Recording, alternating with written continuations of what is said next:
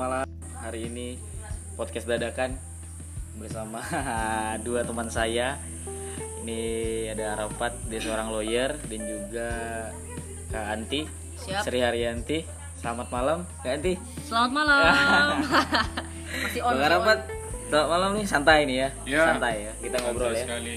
Jadi Boleh, boleh. ceritanya ada produksian lain yang kebetulan mempertemukan kita bertiga sehubungan susah sekali menemui mereka nih waktunya waktunya padat jadwal mereka dua nih oke Ya jadi sama dengan MC-nya juga. wah Punya podcast ini juga sama sibuk ya. jadi kebetulan tadi obrolan kita tuh karena kita datang dari background yang sama nih bertiga kan Ya. pernah berjuang bersama. Pernah berdarah bersama. pernah ber eh, berdarah bersama apa nih darah pecahkan darah Keringat keringat bersama kan. jadi eh, tadi tuh kebetulan ketika Kak Anti lagi ngobrol di dalam sama kawan-kawan produksian aku sama Bang Arapat tuh ngobrol tentang keresahan yang menjadi keresahan publik paling utama tentang hukum. Jadi kita straight to the point ya ya kadang-kadang pernah nggak sih ngerasa kayak ketika kakak sama abang keluar nih pasti orang nanya nih eh ribet benar sih hukum di Indonesia nih gitu kan Ya. pasti itu kan ya misalnya gitu aspek A misalnya aturannya banyak sekali belum lagi atur aspek A ternyata berbenturan satu sama lain nah Hampir ini- semua orang mengalami itu. Nah. Hampir orang kesulitan untuk memahami hukum. bahkan kita Padahal sendiri Terkadang kita sendiri juga. Iya. Betul. Itu. Padahal memang hukum ini aspek penting dalam kehidupan seseorang dan ketika dia disu- dihadapkan dengan itu dia tidak paham. nah Ya. itu ini ini kayak apa ya kayak kalau misalnya kita buat lingkaran tuh bicara tentang dampak tuh. Nah, dampak dampak daripada hukum yang seperti itu tuh mungkin sebenarnya orang sadar bahwa apa ya orang tuh sadar bahwa hukum itu penting tapi kesadaran itu tuh lama-lama tuh tergerus karena posisi yang kayak hukum ini ribet sekali terus belum lagi ternyata sebutan perlindungan hukum tapi kok malah jadi eh, bumerang untuk dia Iya. gitu kan. aku ngalamin di praktek gitu nah waktu kita kuliah kan kita nggak ada tuh yang kayak gitu-gitu tuh Kayaknya adem ayam aja gitu ya. Iya, kayaknya benar ya. Udah, Iya, gitu. yang dibilang dosen itu bukan berarti. Emang dosen sebagai akademisi dia menyampaikan. kan masih idealis-idealisnya. Iya. Ketika bertemu dengan realita praktek memang sungguh berbeda. Dosen kan, ya dia seorang akademisi dia harus Iya. menyampaikan sebuah kebenaran. Betul. Tapi yang kita temukan di lapangan ini kan adalah kebenaran dan kebenaran yang bias, gitu kan? Antara kebenaran dan ketidakbenaran. Gitu. Nah, menurut pendapat dari Bang Rapat sama Kak Anti ini ya, kenapa sih kok hukum di Indonesia tuh banyak sekali aturannya bejibun, bertimpa-timpa, tumpang tindih satu sama lain. Mungkin ladies first. Yes. Mulai dari Oke. Oke. Menurut Ya. Gimana. Banyak mungkin kalau eh, bisa bisa dibilang bahwa segala macam apa pun kalau ibaratkan ketika kita melangkah keluar rumah pun kalau butuh harus ada landasan aturan hukumnya itu pun dibuat gitu kan Iya. jadi apa-apa tuh harus ada landasan hukumnya Mm-mm. belum lagi kalau misalnya ya di, di pemerintahan gitu kan Eh, harus ada aturan hukumnya harus ada eh, landasan hukumnya. Nah, mungkin juga ini em, kalau misalnya kita tarik ke atas sejarah pembentukan ya negara kita juga gitu kan eh, aturan kita juga bahwa ya Indonesia sebagai negara hukum gitu kan. Maka eh, bisa dikatakan bahwa em, apa pun eh, yang berkaitan dengan negara ini itu harus ada landasan hukumnya Mm-mm. Karena kita punya pasal 1 ayat 3 tadi betul tuh kan. Oh, Indonesia adalah negara hukum itu kan Maka, em, ya sedikit apa pun yang berkaitan dengan hajat hidup orang banyak iya harus ada landasan hukumnya itu Iya. nah setelah ada landasan hukum ininya nih yang kadang-kadang eh, banyak buntutnya gitu Iya. Dari mulai atas sampai ke bawah-bawahnya Iya. Jadi kadang orang tuh mikir gini ya. Oh, ternyata aku tuh sering loh nemukan kayak oh, ternyata ini tuh ada aturannya ya Hmm. gitu kan. Iya. Padahal dalam hukum tuh kalau kawan-kawan yang Iya. belajar hukum kan pasti Iya, mengetahui ada yang namanya fiksi hukum. iya Nah, fiksi hukum itu kan menganggap bahwa semua orang itu dianggap mengetahui hukum ketika hukum itu diundang-undangkan atau aturan itu diundang. berlaku Iya. gitu. Cuman yang menjadi permasalahan nih aturan ini banyak. iya Ah, gimana? Sedangkan satu jadi kita susah kan, gitu Wak. banyak dan paling lucu kadang-kadang ada orang yang tidak sadar kalau ternyata apa yang dilakukan tuh melanggar hukum Nah, karena memang itu hal-hal yang hal-hal mengenai hukum yang tidak umum diketahui oleh semua orang Iya. Jadi kayak misalnya contohnya nih, contoh kecilnya misalnya kayak eh, oh rupanya aku nih harus bayar pajak yuk. ya Rupanya kalau aku nggak bayar pajak nih eh, ada sanksi yang kan kalau kita bayar pajak kan kalau jangankan kita kita punya duit, kita tak punya duit ya kita harus lapor. Kayak sekarang kan minum bulan kopi minum Maret. kopi. Ya, oh iya benar bulan Bulan Maret Maret kan lapor. wajib Kita lihat di mana-mana ada banner-banner Baliho-baliho tuh ya. lapor SPT, lapor apa lah iya orang nih masih berpikir bahwa pajak ini hanya untuk orang yang dapat duit. Ya, ternyata nggak dapat duit pun ada aturannya kita harus bayar. Ya kita harus lapor. Bukan bayar, ya kita harus lapor bahwa ya nihil gitu. Iya. Dan ternyata yang udah bayar pun ada kewajiban untuk melaporkan administrasinya. Gitu kan. Aku pernah tuh dengar salah satu kawan kita gak tuh pernah dulu skripsinya tuh tentang bahas tentang orang yang di diseret ke pengadilan pajak karena dia udah bayar pajak tapi tidak melaporkan administrasinya. Itu kan kayak sepele sekali gitu bahkan padahal sudah melakukan kewajibannya itu untuk membayar. gitu. kenapa sih gue kayak gitu? Cuman balik ke akar aturan ngapa sih? Hukum tuh kok banyak sekali aturannya gitu. Nah, mungkin bang Arapat bisa ngasih pandangan nih karena bang Arapat nih backgroundnya tata negara banget kan? Secara basic ilmu. Siap siap siap.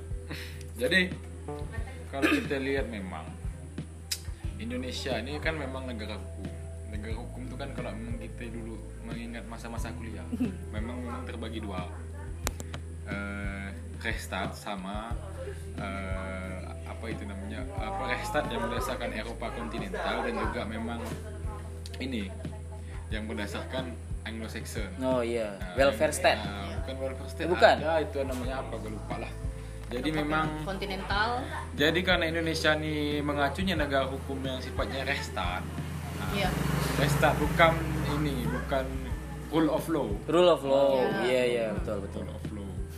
Nah, jadi eh, mungkin restart bisa tadi sambil karena dijelaskan dulu sedikit restart karena restart dan restart ini sifatnya legalistik formil.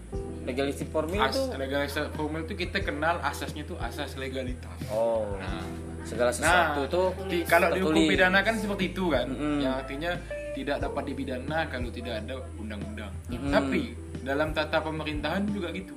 Kalau dalam tata pemerintahan, tindakan hukum pemerintah sah sepanjang ada aturan yang mengatur. Mm-mm. Nah, memang dibolehkan yang namanya diskresi, tapi kadang-kadang diskresi sendiri ada acuannya. Jadi memang wajar karena memang restart itu mengedepankan kepada kepastian hukum. Sehingga segala tindakan pemerintah ini memang harus ada dasar aturannya. Kalau tidak ada dasar taru- aturannya, kadang-kadang bisa larinya ke arah tindak pidana, Mm-mm. tindak pidana korupsi atau yang lain-lain. Nah, kan. itu yang kemudian makanya kita bakal sering dengar kalau misalnya kita ada urusan dengan pemerintahan misalnya. Maaf Pak, kalau urusan ini belum ada payung hukumnya. Nah, iya, bukan betul, betul. kewenangan juga bukan kewenangannya Ini itu bukan karena kewenangan apa? saya nih, katanya itu kan. karena Indonesia ini memang restart yang benar-benar menerapkan restart itu memang benar-benar ketat dan sangat-sangat legalistik formil sehingga segala sesuatu tuh ada harus ada aturannya bahkan hal-hal yang rinci sekalipun beda dengan negara hukum Anglo-Saxon rule of law tadi dia lebih kepada eh, ada aturan yang sifatnya dasar tapi praktiknya itu lebih mengacu kepada kebiasaan-kebiasaan umum yang biasa dilakukan oleh pemerintah pem- apa pemer- eh, pejabat-pejabat pemerintah sebelumnya yang pernah melakukan Iya. suatu perbuatan hukum itu. Mm. Nah, dan itu menjadi sebuah kebiasaan yang umum dan diketahui oleh semua orang. Nah, itu. Jadi memang tidak terlalu membutuhkan banyak aturan kalau Anglo-Saxon. Cukup memang hal-hal yang sifatnya dasar. Karena hal-hal yang teknis kembali pada kebiasaan. Nah. karena aturan teknis itu kan sebenarnya tafsiran dari aturan dasar. Ketika ada orang menafsirkan aturan bahwa misalnya seperti ini dan secara umum itu kemudian diikuti lambat lama laun kan jadi kebiasaan. Itulah Nah, yang- itu yang Nah, kemudian dijadikan iya, dasar kalau di negara hukum versi Anglo-Saxon tadi. Rule of law di kalau misalnya Eropa kon- Eropa kontinental restart tadi yang dianut oleh Indonesia segala sesuatu harus ada aturannya Hmm. kalau tidak ada aturannya tidak sah Iya iya. Nah, Tapi itu gini kan. bang, justru ngelihatnya nih, kayak misalnya gini nih aturan nih kan, turunnya tuh banyak nih.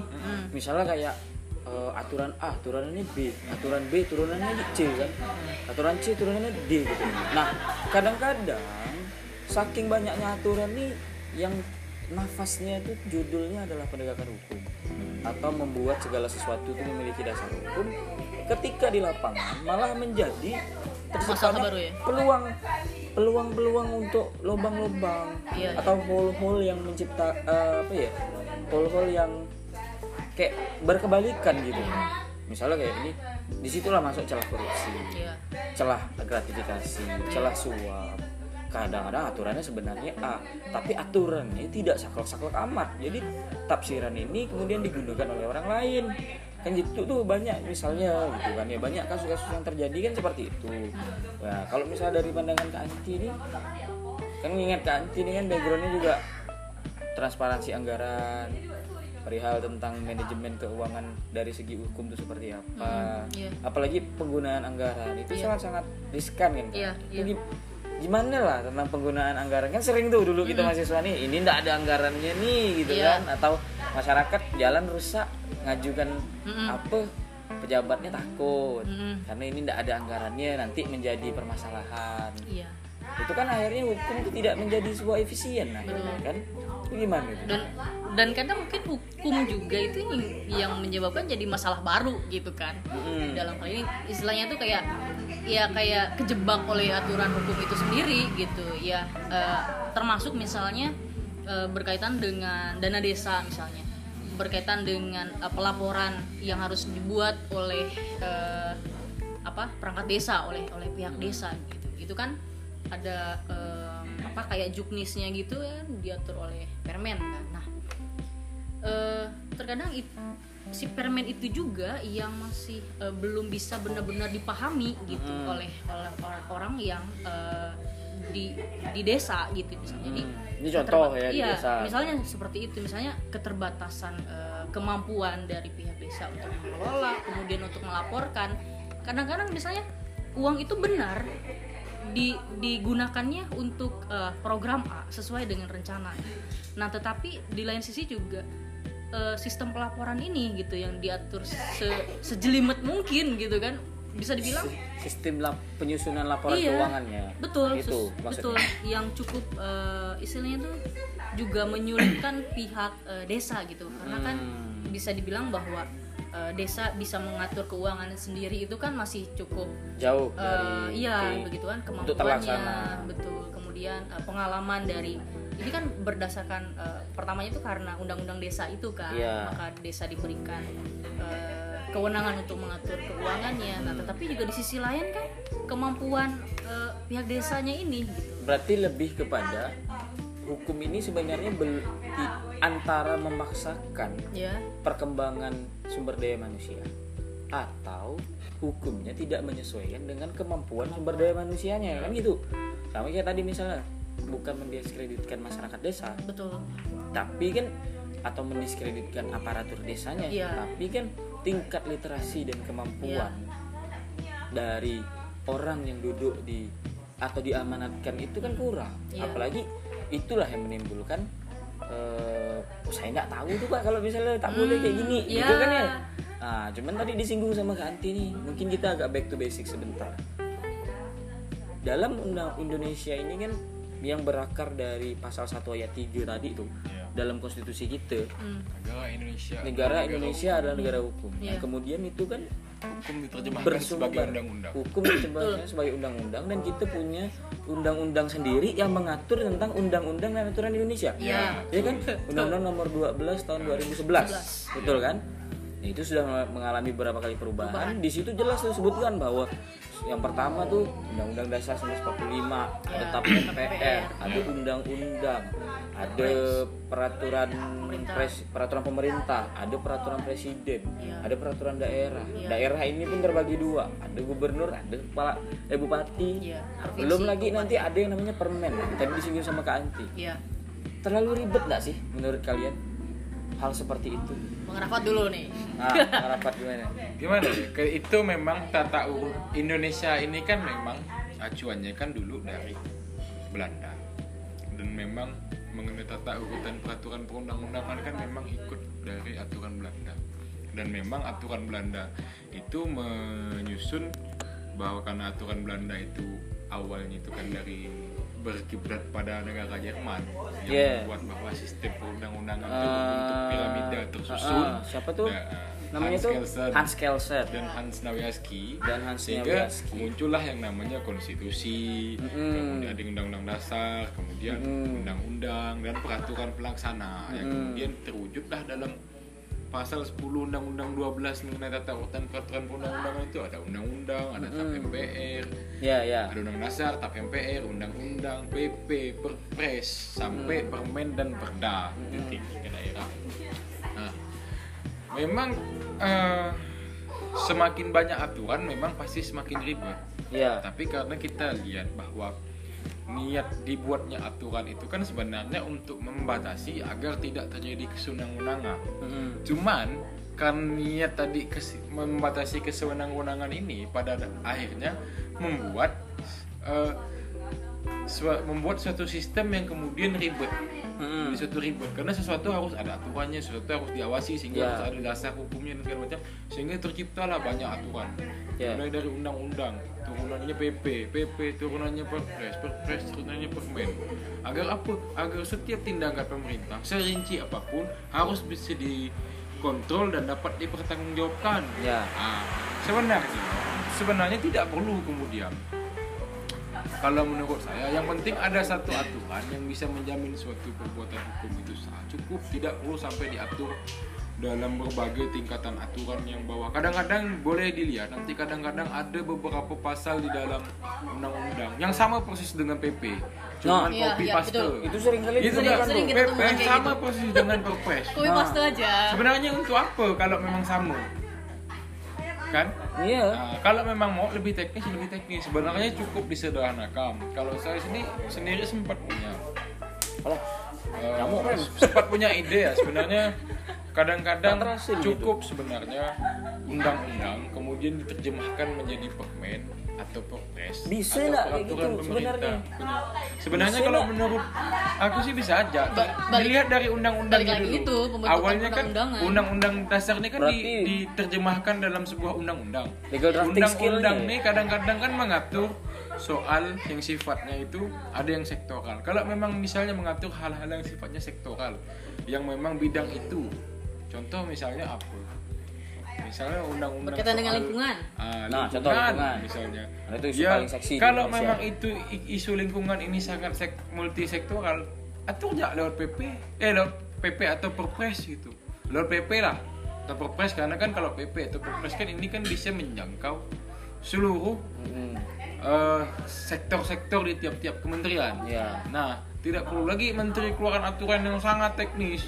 Nah, cukup sebenarnya PP atau Perpres itu dibuat aja seteknis mungkin sehingga tidak perlu kemudian eh, banyak terlalu banyak aturan gitu. Kalau memang eh, kalau memang itu multisektor, tapi kalau undang-undang yang sifatnya sangat sektoral cukup diterjemahkan dengan aturan dari undang-undang langsung turun ke peraturan menteri aja. Mm-mm. Sebenarnya tidak jadi soal. tapi boleh kayak gitu Sebenarnya sih Ya. Secara- memungkinkan saja sih karena kan eh, se- sebenarnya kan itu kan tata urutan peraturan perundang-undangan kita kan memang kalau tidak apa undang-undang diatur dalam PP, PP diatur dalam Perpres, Perpres diatur dalam Permen.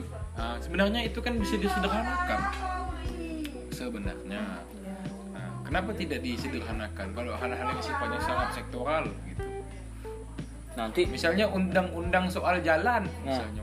itu banyak sekali tuh Eh, kalau Wow. misalnya apalagi konstruksi gitu. konstruksi. Ah, berkaitan dengan Ah, konstruksi Allah. itu banyak kesehatannya. nah, konstruksi kalau memang Ih, ada hal-hal yang sifatnya sektoral misalnya soal pembangun eh, konstruksi jalannya itu cukup Hmm. diatur dalam Kementerian PU mm-mm. tidak perlu. Nggak perlu. Berarti kayak di sub tak perlu. Apanya ya tidak perlu. Karena kan soal konstruksinya. Oh iya iya.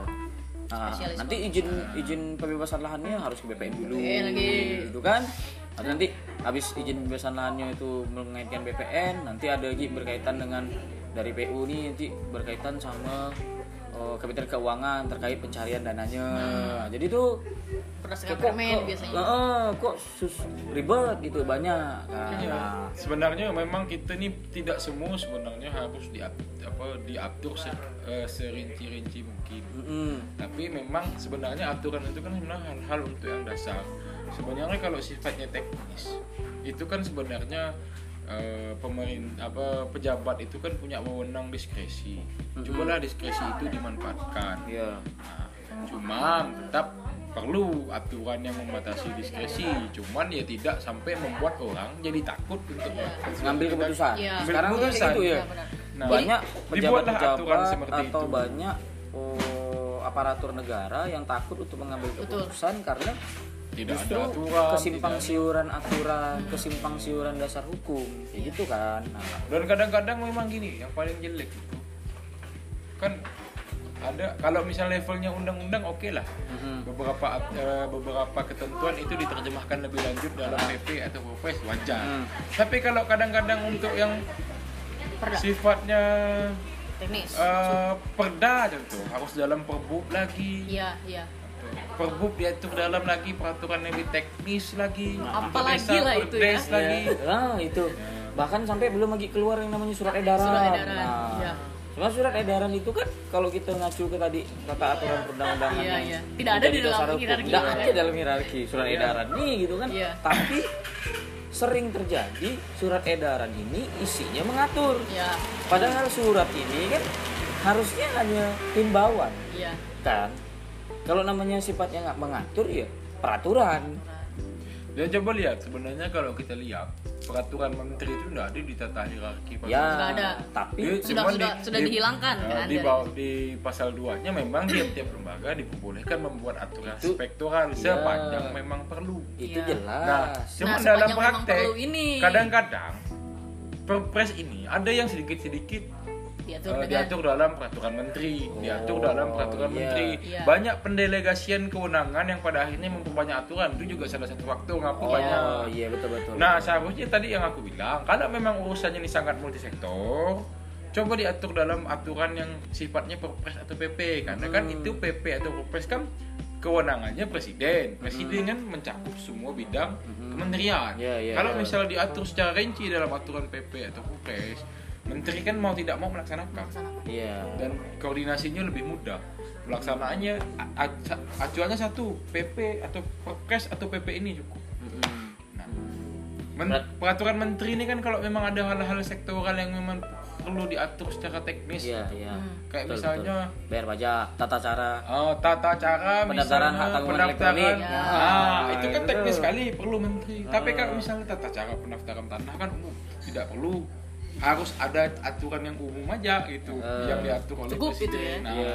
di mana yang atur per- dalam perpres itu mengatur misalnya macam mana tata cara eh, pengajuan hak atas tanah di atas tanah negara kemudian Ya. eh, tata cara pengajuan misalnya ada suatu tanah negara mau dijadikan kawasan hutan seperti apa nah itu cukup diatur dalam satu aturan yang sifatnya perpres jadi tidak ada yang namanya itu bentrokan antar kementerian eh, kementerian Mm, Iya. Ego sektoral. misalnya contoh Ego sektoral. ya jadi Ah. sangat sangat menyulitkan dan Contoh ada lahan di, banget. ada lahan Iya. di kawasan hutan, misalnya ada lahan pemukiman masyarakat. Pemukiman. Hmm. Nah, BPN mau melepaskan itu. Misalnya. Bu- buat ada masyarakat mengajukan itu ke BPN. Cuman BPN kan nggak bisa karena bentrok ke kawasan Kementerian hutan. Kehutanan. Nah, Kementerian Kehutanan. Harus kembalikan lagi ke aturan permen. Iya. Kenapa ndak aturan tadi yang mengatur mengenai kawasan hutan tadi? Eh, apa pemukiman di kawasan hutan diatur dalam perpres saja walaupun memang sekarang sudah ada perpresnya tuh Ya. tapi ujung-ujung pelaksanaannya balik lagi ke masing-masing pakai betul, balik betul. kembalikan lagi ke BPN gimana Ya, ngaturnya misalnya ya. ke Kementerian Agraria nanti ke, ke, ke- dikembalikan lagi kepada Kementerian Hutan Hmm. kenapa tidak dibuat aturan Yang isinya memang yang isinya memang teknis bagaimana untuk- cara misalnya agar pemukiman itu bisa dilepaskan sehingga nanti acuan dari Kementerian Agraria atau Kementerian Kehutanan sama sama teknis Ah, iya, teknisnya betul. juga harus mengacu ke perpres Hmm. di situ kan dia tidak bisa ngelak lagi ini perintah presiden loh, atau ini perintah Ah, pemerintah perintahnya pemerintah loh presiden selaku pemerintah loh Nah ini berarti sama juga dengan obrolan presiden kita dulu kan ngomong nggak ada namanya visi menteri nih. Ya. Adanya visi presiden. Coba, Harusnya itu bisa dilaksanakan tadi betul nggak sih? Iya iya iya. Iya kan? Tapi mungkin kadang eh, istilahnya itu kayak em, kalau misalnya dibilang anak misalnya ya, mungkin eh, ya em, kementerian juga ingin menunjukkan gitu ya siapa yang eh, Lebih berhak dan berwenang. kemudian lebih banyak untuk eh, bekerjanya misalnya seperti Heeh. itu juga mungkin berkaitan dengan dengan itu juga ya itulah tadi dia ego sektoral Ego sektoral itu. dan di situlah tugas presiden sebagai pemimpin mereka pemimpin Iya. tertinggi Iya, betul betul. untuk betul. mengingat menteri kalian nih bekerja Untuk sesuai mereka. visi Ah, saya iya, bukan iya. visi kalian masing-masing dan Betul, sering betul. presiden kita kan melakukan hal seperti itu Iya. tadi Tapi sayangnya ini ini ini joke sih sebenarnya, tapi cukup berbahaya. Tapi saya harus bilang gitu. Aku harus bilang. Jadi kadang-kadang aku tuh pernah baca di Twitter tuh, di sosial media lah. Terutama salah satu website tuh ada yang bilang sering bilang gini, ingin tahu tindakan sebenarnya dari pemerintah apa eh ingin tahu ti- seperti apa tindakan pemerintah sebenarnya. Lihat apa yang presiden bicarakan, kemudian lihat sebaliknya.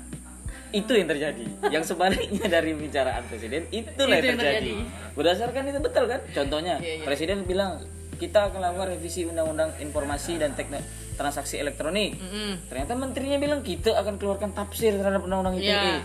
Ini kan kayak kontradiksi gitu kan. Nah, setelah itu, yang- jadi bola salju setelah itu jadi bola salju yang menggelinding besar gitu, yang membahayakan setiap orang yang membuat konten. betul dan pada akhirnya ya Iya. merasakan lah kalau adanya undang-undang ITE misalnya ITA misalnya, menyebab orang tuh semakin apa ya malas bersuara iya iya Iya. bungkam Oh, dibungkam lebih baik tidak langsung bungkam. dibungkam orang-orang yang awalnya kritis lebih lebih mending bungkam lah daripada membahayakan diri Membahayakan. kan Iya, karena kan kita juga mikirkan, Iya. misalnya pasti ada orang-orang yang memikirkan faktor keluarga, Betul. faktor ekonomi. Tidak hanya diri dia yang itu jangan faktor hanya ego, pengaruh e- ego ideologi dia Pengaruh aja ITE gitu itu. kan. Itu pengaruh.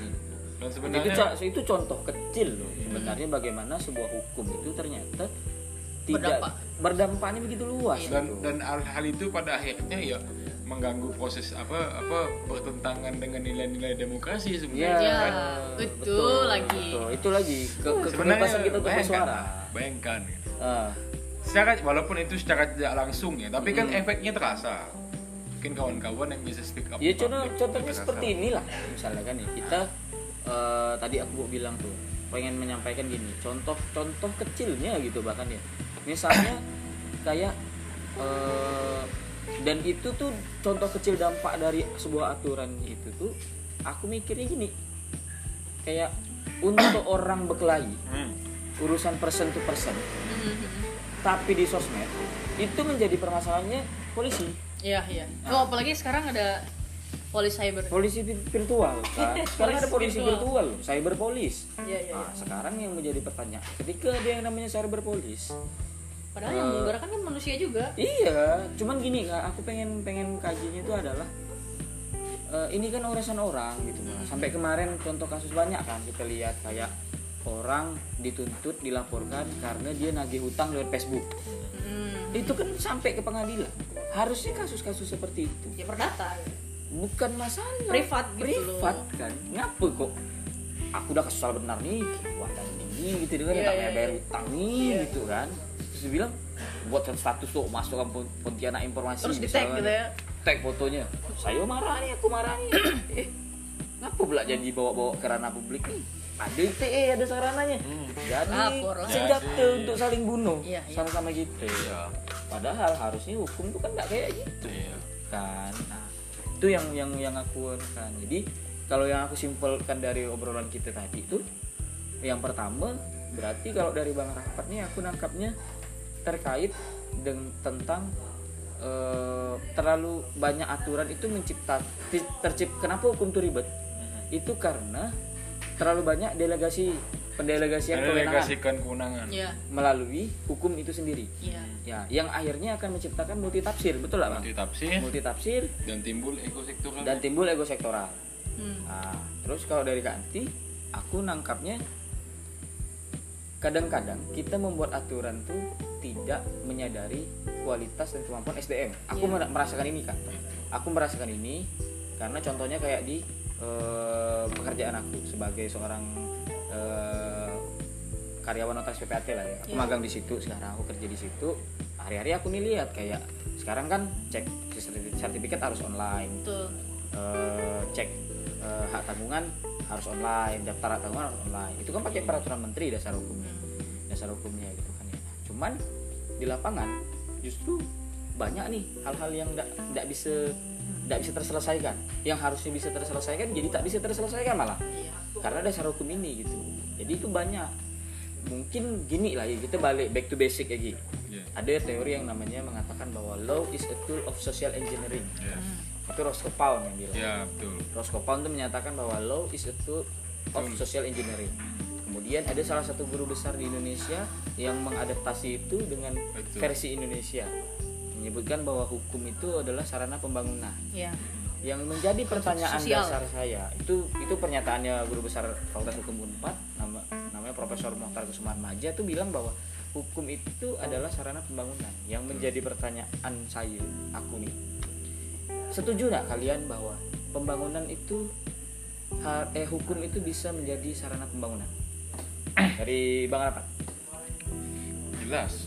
Karena kembali lagi bahwa eh, segala sesuatu itu perlu aturan Hmm. bahwa bahwa bahkan pemerintah untuk bertindak itu perlu aturan Hmm. jadi hukum itu sebagai sebenarnya adalah sarana bisa jadi sarana perubahan Mm-mm. dan bisa alat jadi alat pembangunan Mm-mm. cuman kembali lagi bagaimana kemudian cara orang yang mempunyai kewenangan untuk membentuk hukum ini loh Mm-mm. membentuk hukum secara benar Mm-mm. tidak pada akhirnya membuat sistem kemudian di dalam sistem ada sistem lagi Iya. di dalam sistem yang lebih kecil lagi ada sistem lagi itu Oh, yang kadang-kadang iya. membuat hukum tidak Kalau- bisa kalau menjadi kata- sarana pembangunan kalau kata bahasa bahasa Jokowi itu birokrasi terlalu kompleks sehingga Nah, perlu dipotong terlalu banyak sistem dalam reformasi sistem. birokrasi itu reformasi birokrasi sehingga perlu dilakukan reformasi cukup Ya. sistem ini aja loh Heeh. satu sistem aja kita Ya, ya. dalam karena kadang-kadang terlalu banyak sistem ada sistem kecil yang justru persis- bertentangan dengan sistem yang lebih Ya, besar ini kan betul. jadi membuat hal yang sulit. Betul. Nah, maka dari itu kembali kepada bagaimana kita membuat hukum Mm-mm. Nah, makanya sebenarnya melihat kembali lagi bahwa sebenarnya melihat bahwa kebutuhan aturan itu melihat kepada eh, bag- eh, sifatnya. Sifatnya misalnya tadi contohnya ada suatu bidang yang memang sifatnya multisektoral. Ya. Ya. Kalau multisektoral kan berarti akan ada banyak kepala cukup disatukan oleh satu kepala yang posisinya lebih tinggi. Ya. Si- si- si kepalanya itu ya? ah, cukuplah presiden diatur dalam perpres saja atau PP sebagai kepala Ah, pemerintahan PP itu atau tadi. Perpres saja. Nah, menteri tidak boleh lagi membuat aturan yang sifatnya umum tapi Yeah. yang sangat teknis boleh. Iya. bahkan kalau bila perlu cukup buat apa? Juklak dan juknis saja. Iya, betul betul. Aturan sifat umumnya Hmm. cukup perpres Nah, tapi kalau memang ada hal-hal yang memang perlu diatur secara umum untuk hal yang sifatnya sektoral Mm-mm. Ini diaturlah dalam kalau diatur dalam permen ya Nah, makanya permen itu ya saya tidak tahu pasti karena saya tidak mempelajari bagaimana sejarah terciptanya Undang-Undang 12 tentang Ya. peraturan pembentukan peraturan undang-undangan. Mungkin mengapa kemudian aturan-aturan masing-masing lembaga termasuk aturan permen itu tidak masuk dalam tata hierarki. Maksudnya digunakan kalau memang diperlukan Perlu. aja. Nah, itu tadi Ah, urgensi berarti kan Betul. urgensi perbentukan Dan ini permen. kembali Iya. juga bahwa di dalam Perpres dan PP itu tidak boleh terlalu banyak delegation power. iya Nah, sedikit didelegasikan kepada menteri, sedikit Ya. sedikit didelegasikan kepada ya eh, jadi badan tertentu. itulah Jadi sumber dari ah. banyaknya aturan Ah. dan sumber Karena- dari keruwetan aturan di Indonesia kadang gini juga kalau udah ada delegasian seperti seperti itu mau tidak mau pada akhirnya kementerian kan buat ya ini perintah perintah PP perintah perpres nah betul mungkin betul kita tidak buat betul nah untuk menjalankan itu. mandat atau itu katakan di undang-undang perlu diatur untuk sektor daerah diatur dalam daerah Heeh. nah, itu kan Biar kalau memang hal yang sifatnya memang khusus untuk urusan yang sifatnya kedaerahan Heeh. wajar Iya, iya. tapi kalau memang hal-hal yang sebenarnya sifatnya umum kan tidak tidak perlu juga sebenarnya tapi kalau kayak gitu berarti sama gak dengan kayak gini bang Hmm. Eh, seolah-olah pembuatan peraturan menteri ataupun pem- pendelegasian mandat yang diberikan oleh kepada menteri lewat peraturan pemerintah atau perpres itu menciptakan kondisi seolah-olah asal buat Hmm. ini enggak sih yang penting ada karena aku udah kena suruh nih gitu kan Iya. Ya, karena perintah Sebatas menggugurkan sebatas kewajiban. menggugur ah sebatas kadang-kadang kewajiban. iya juga karena ada kadang hal-hal yang perlu didelegasikan penting aku udah buat nih Iya. permennya masalah di Nah, teknis di karena itu jadi kewajiban ah, pada pada lah, pada gitu kan. akhirnya ya asal buat dan oh dan kadang-kadang kan kita kan untuk menerjemahkan delegasi sebuah delegasi power dari aturan lebih tinggi ini kan kadang-kadang kita perlu ila- ibaratnya ya konsultasi lah kepada yang punya aturan dasarnya gitu ya, buat aturan dasarnya. Ini maksudnya gimana sih? Nah, pada akhirnya ya makanya akan menimbulkan kerepotan tersendiri itu bagi Iya. si pembuat aturan. Jadi wajar kalau cipta aturan yang sifatnya asal-asalan. Coba kan banyak kemarin berapa banyak peraturan yang lebih rendah kayak perda itu dibatalkan kan? Ya itu banyak kasus sampai juga. beribu-ribu itu kan Iya. karena karena memang terlalu banyak delegation power juga. Makanya eh, perlulah sebenarnya kemampuan Eh, legal drafting yang bagus kemampuan legal Dari orang yang ada di dan pemerintahan. kemam- Iya. dan jangan ini juga. Yang bisa jadi decision maker dan memang sama melihat rules juga maker kalau memang itunya sifatnya multisektoral tadi cukuplah kepala tertinggi saja yang memutuskan Ya, tapi oke. kalau banyak ada hal-hal yang memang sangat teknis, Teknis. dan memang hanya satu sektor saja yang diperlukan untuk mengurus suatu bidang pemerintahan tertentu ya boleh dikeluarkan peraturan menteri iya Kak Anti Ya. gimana pendapatnya apakah setuju kalau kita ini bisa menggunakan hukum ini sebagai sarana pembangunan Setuju, eh, hukum itu bisa dipakai sebagai sarana pembangunan, tetapi juga kita tidak bisa melepaskan dari kenyataan terkadang hukum pun menghambat, ya itu gimana tuh hukum menghambat tuh? menghambat adanya pembangunan terkait dengan itu misalnya tadi. Eh, sebenarnya ini bisa dilakukan gitu oleh oleh eh, pejabat negara begitu, uang uangnya ada misalnya dan sebagainya ada, kemudian eh, bisa digunakan, tetapi ketika tidak ada hukum yang menjadi landasannya tidak bisa dijalankan? nggak nggak nggak dijalankan gitu. Nggak bisa nggak bisa terrealisasikan misalnya program-program tertentu misalnya Ya. kayak gitu. Karena nggak ada landasan hukumnya. Itu tuh jadi kayak apa ya? Alasan alasan basi gitu nggak sih? Bes- bisa juga kayak kayak gitu jadi dan dan gini juga aturan yang- lempar-lempar Iya. juga Ya. biasanya kayak dan gitu lempar kewenangan. aturan yang tadi pada akhirnya dibuat dengan serampangan itu pada akhirnya bukan membuat hukum sebagai sana perubahan Ya. perubahan ke arah lebih maju tapi perubahan ke arah Mundur lebih ya. mundur. oh iya betul. betul law is a tool law is a tool hukum itu memang alat alat itu kan tergantung pengguna ya iya betul. bisa nggak menggunakan alat itu Bisa bisa nggak menggunakan menggunakan alat itu dengan benar gitu. betul kayak Cristiano Ronaldo Heeh. pakai Nike Heeh. Mm, Nike yang dibuat khusus untuk Cristiano Ronaldo dengan yang umum ya dengan yang dipakai untuk saya misalnya main, Iya. main, main bola pakai sepatunya Cristiano Ronaldo Pasti belum nggak beda. tentu balak balak Iya. macam Cristiano Ronaldo kan belum tentu Dandi bisa jadi sebalak Makanya. Cristiano Iya Ronaldo betul betul, makanya betul. law is a tool itu Hukum- tuh itu harus di underline tuh harus Iya. di garis bawahi Law is a tool. tebal tuh yang namanya tool itu tergantung pengguna bro nah Nah, kalau penggunanya bagus, baguslah Baguslah. proses Iya. pembangunannya. Tapi kalau memang penggunanya jelek, tetap jelek lah. Makanya ada istilah, ini kalau istilahnya di bidang kehakiman kan dulu. Beri aku so, apa? Beri aku hukum yang jelek dengan hakim yang Bagus. kualitasnya bagus. Iya. Aku akan menciptakan keadilan. Tapi Iya. jika Hukum. kau berikan aku hukum yang bagus tapi hakimnya jelek, maka tidak akan tercipta keadilan. Kan itu Iya. kata Taverne. betul, Betul. betul. Jadi kurang lebih seperti itu. Ah. Jadi memang oh ya, law, law is a tool. Betul. Nah, kalau tadi kan Kanti bilang Hmm? bahwa ketika tools itu menjadi yang sesuatu yang membuat ribet, kira-kira saran dari kakak nih, Hmm. gimana sih yang harusnya bagus? Kemarin kan kita berharapnya nih omnibus law ini bisa menjadi kita bicara tentang isu terkini nih ya. Oke, oke. Omnibus law ini kan bisa menjadi sebutannya undang-undang sapu jagat, Betul. bisa menyederhanakan aturan. Ternyata ketika jadi malah bikin makin pening nih kita mau belajar hukum ada berapa PP ada ada berapa 54 atau PP lim- 54 tuh. 50-an gitu lah kan 50-an. Nah, jadi makin Jadi makin buat susah juga kan? ya Jadi bingung gitu. Bahkan Iya. isi omnibus law-nya itu sendiri ternyata tidak membawa sesuatu yang baru Baru, baru baru, banget baru. sebenarnya. Betul. Jadi misalnya kayak hanya merubah beberapa pasal, Iya. artinya kita masih menggunakan undang-undang yang lama. Nggak Betul. kan makin bikin pening ya kita bacanya kan? udahlah prosesnya banyak Banyak cacat formil bisa dikatakan lah ya cacat Iya. formil dan lain sebagainya. Mengun bu- kalau cacat formil sih kita nggak tahu, tapi lebih diplomatis bahasanya adalah kontroversial. betul Nah, kontroversial itu menurut kakak gimana tuh? iya Eh, itu dia buat eh, ya istilahnya mau merampingkan kan eh, sekarang ini pemerintah sedang sedang gencar-gencarnya bilang eh, itu salah satunya reformasi birokrasi termasuk juga reformasi eh, terkait di bidang hukum di mana ada eh, mandat ada ada sebuah itu juga bahwa termasuk ke ke Pemda itu ditekankan tidak boleh lagi eh, banyak eh, mengeluarkan aturan-aturan baru seperti itu. Hmm. Tetapi eh, ya kenyataannya juga bahwa pemerintah pusat misalnya dalam hal ini eh, membuat eh, undang-undang cipta kerja misalnya seperti itu yang di dalamnya juga memandatkan eh, banyak lagi yang harus diatur. Iya.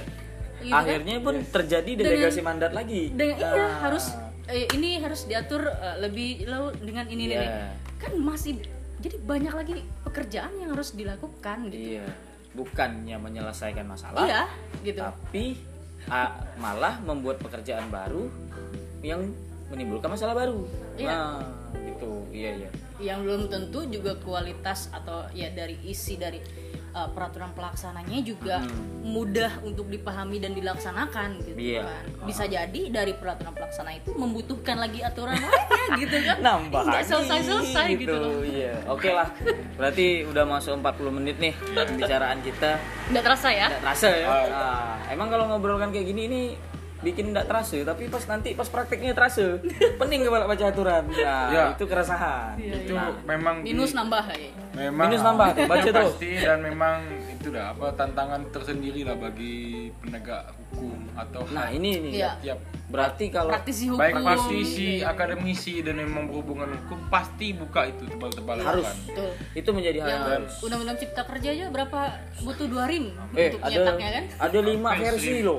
Hampir kemarin ada lima versi. Sekarang sudah bahkan ketika nomornya udah keluar. Nah, itu aja tuh udah menyalahi teori yang kita pelajari Iya. waktu kuliah loh dan memang juga apa ya, masa undang-undang ada versinya ada versi cover nanti lama-lama ini bi- dibuat sama sama ahli-ahli legal drafting atau konstitusi bener. Ini kan legislatif drafting lain sebenarnya kalau undang-undang kita omnibus law versi cover gitu. kenapa ada omnibus law ini kan sebenarnya dia sudah terlalu banyak aturan Iya. yang tersebar Heeh. tersebar dan sebenarnya itu sebenarnya cukup diatur di dalam eh, sebuah aturan yang mencakup semua Iya. gitu. sehingga akhirnya beberapa harus dipangkas dalam sebuah aturan tapi ya tadi kalau kemudian banyak delegation powernya ya bakal menciptakan Ya. aturan di tingkat bawah yang lebih betul mem- ya mem- Bikin ribet sulit lagi, ya, rumit bikin lagi lagi. lagi Rumit, gitu. rumit, Jadi ya. memang eh, bagusnya sih eh, boleh memang agak susah sih.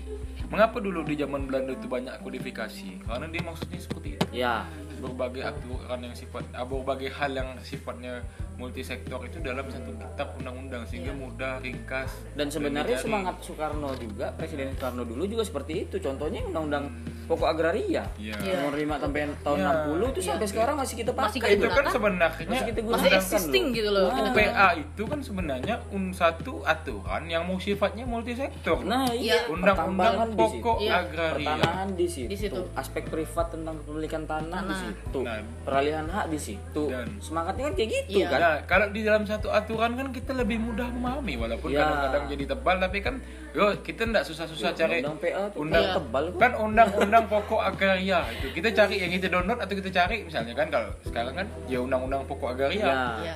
nggak perlu kita tuh misalnya kita mau cari misalnya oh misalnya Ketentuan tentang peralihan hak atas tanah. ah itu kan banyak aturannya Peralihan hak yang mana lo lagi, Hak ini ada lagi. aturannya, hak ini ada Iya, iya. aturannya, dan segala ada macam. Iya.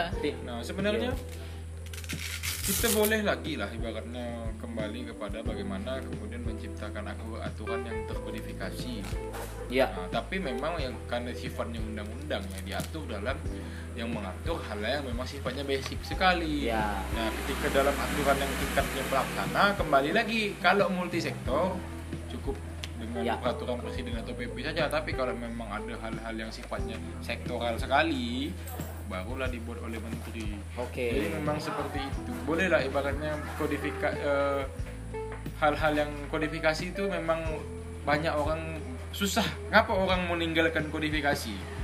Karena memang pembuatannya Sulit. lama, Lama. lambat Dan susah. dan buat satu undang-undang tuh butuh Contohnya ya waktu. revisi terhadap KUHP kita. Oh, berkali-kali Nah, tidak iya. jadi. Berkali-kali tidak tunda, jadi tunda. isinya bertentangan apa segala Keluar gitu. masuk Kalau dibuat dibuat buat undang-undang sektoral, sektoral, sektoral itu kan lebih mudah. iya Tapi betul pada impactnya ketika satu aturan dibuat sektoral, kemudian ada aturan lagi dibuat oleh diusulkan oleh kementerian berbeda misalnya sifatnya sektoral tadi, pada akhirnya bertabrakan Ya. kan sulit. betul Mengapa Oke. tidak masing-masing kementerian yang memang mengurus satu apa yang bidang kerjaannya bersinggungan nyatu, kemudian mengusulkan satu aturan tuh? ya itu seharusnya seharusnya ya kan oke tidak seperti itu? berarti dari obrolan kita nih aku simpulkan yang pertama kenapa hukum tuh ribet karena memang Balik eh, kasarnya dibuat sengaja dibuat ribet kadang-kadang Iya, gitu kan iya.